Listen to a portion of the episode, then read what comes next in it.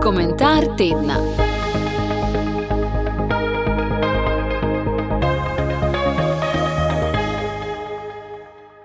Komentar tedna je tokrat pripravil profesor na Gregorijani v Rimu, jezuit pater Peter Lah.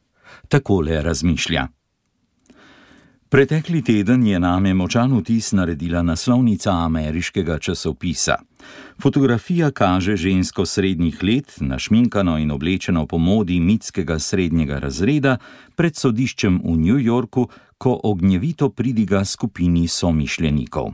Tudi ti so belci, spodnji srednji razred, zaviti v kričeče trobojnice, polepljeni z napisi Trump in Maga. Omenjena gospa med psovkami in grožnjami očita sodnikom in toživcem, da so se spravili na nedolžnega človeka, ko so poklicali na zagovor tamkajšnjega milijarderja in bivšega predsednika države. Pisana množica ploska.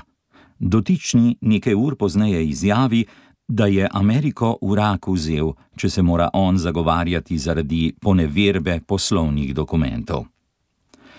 Bogataša iz New Yorka in nekdanjega predsednika Združenih držav Amerike so obtožili poneverbe poslovnih dokumentov, pri čemer je otežujoča okoliščina, da se je to dogajalo v kontekstu predvoljivnega boja.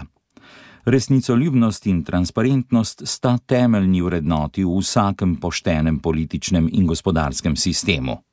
Ko ni več razlike med resnico in lažjo, se civilizacija sesuje v prah kjer laž in zavajanje nista preganjana, tam umre pravica in zavlada volja močnejšega.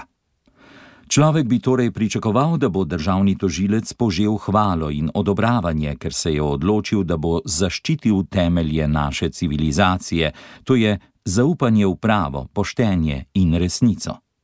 Dogaja pa se nekaj drugega. Nekateri ljudje tožilca res hvalijo, čeprav bolj zato, ker imajo Trumpa v želodcu. Bolj glasni so tisti, ki toživca in sodnika kritizirajo, ju obdajajo s psovkami in jima celo grozijo. Pa ne zato, ker bi slabo opravljala svoje delo, ampak zato, ker sta si upala dotakniti njihovega idola. Problematičnost dogajanja ni v tem, da nekaj sto ljudi javno protestira na ulicah ameriškega velemesta. Problem sta fanatičnost in prostaškost. Fanatičnost, ki se kaže v tem, da poslanka v parlamentu najstarejše demokracije pred sodiščem kriči, da je obtoženi nedolžen in to še predno je vedela, česa je sploh obtožen. Za njo je nedolžen, ne glede na to, kaj je storil. Slaba četrtina državljanov ji pri tem bolj ali manj na glas kima. Kaj nam pove njihovo ravnanje? Da se vračamo na raven plemena, kjer je človek kriv, če nam ni všeč, in nedolžen, če je eden od nas. Ni pomembno, kaj je storil. Demokracijo lahko definiramo kot nenasilno razreševanje konfliktov, kjer neodvisne inštitucije na osnovi dejstev in dokazov raziščejo, ali je človek ravnal zakonito ali ne. V Ameriki, tisti z veliko začetnico in tisti z malo, to je v naši globalni vasi, dejstva niso več pomembna. Naš človek ne more biti kriv, ne glede na to, kaj je storil. Mar se ni nekdani predsednik sam pohvalil, da ne bi izgubil nobenega privrženca, če tudi bi sredi belega dne v centru New Yorka ustrelil nedolžnega pešca. Pri sebi in pri svojih vse opravičimo, proti nadležnemu nasprotniku pa je dovoljeno uporabiti vsa sredstva, vključno z žalitvijo in grožnjo.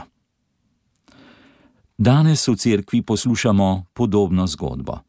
Tako kot v pravkar opisanem primeru, tudi v pasijonu nastopajo sodnik, tožniki in množica. Za trenutek pozabimo na karakterje in se posvetimo načinu njihovega ravnanja. Ponci Pilat, sodnik, ravna razumno. Zanimajo ga dejstva.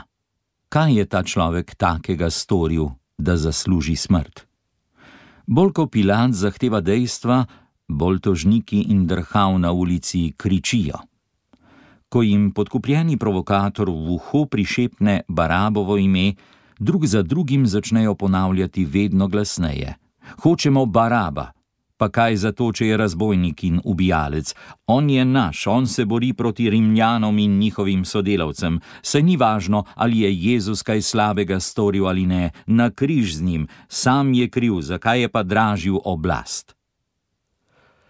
Zaradi ljubega miru je Pilat popustil. Ljudje so dobili baraba ter njegovo plačilo. Njihovi vnuki so v cunjah sedeli na osmojenih ruševinah. Mi smo na isti poti v katastrofo, če jih posnemamo. Vsakič, ko se požvižgamo na dejstva, na resnico, se odločimo za baraba. Vsakič, ko se prepustimo nizkotnim in nasilnim čustvom, obsodimo na smrt Jezusa. Ne bodimo kot drhav. Ko stojimo pod Jezusovim križem, se odpovejmo glasnikom prostaštva, nizkotnosti in nasilja. Naša ušesa naj bodo odprta samo za besede, ki jih je odrešenik naslovil na svoje učence v zadnjih urah pred trpljenjem. Radi se imejte dobro mislite drug o drugem. Išči resnico, spravi meč v nožnico, ne bodi nasilen. Tako je v komentarju tedna razmišljal profesor na Gregorijani v Rimu, jezuit pater Peter Lah. Komentar tedna.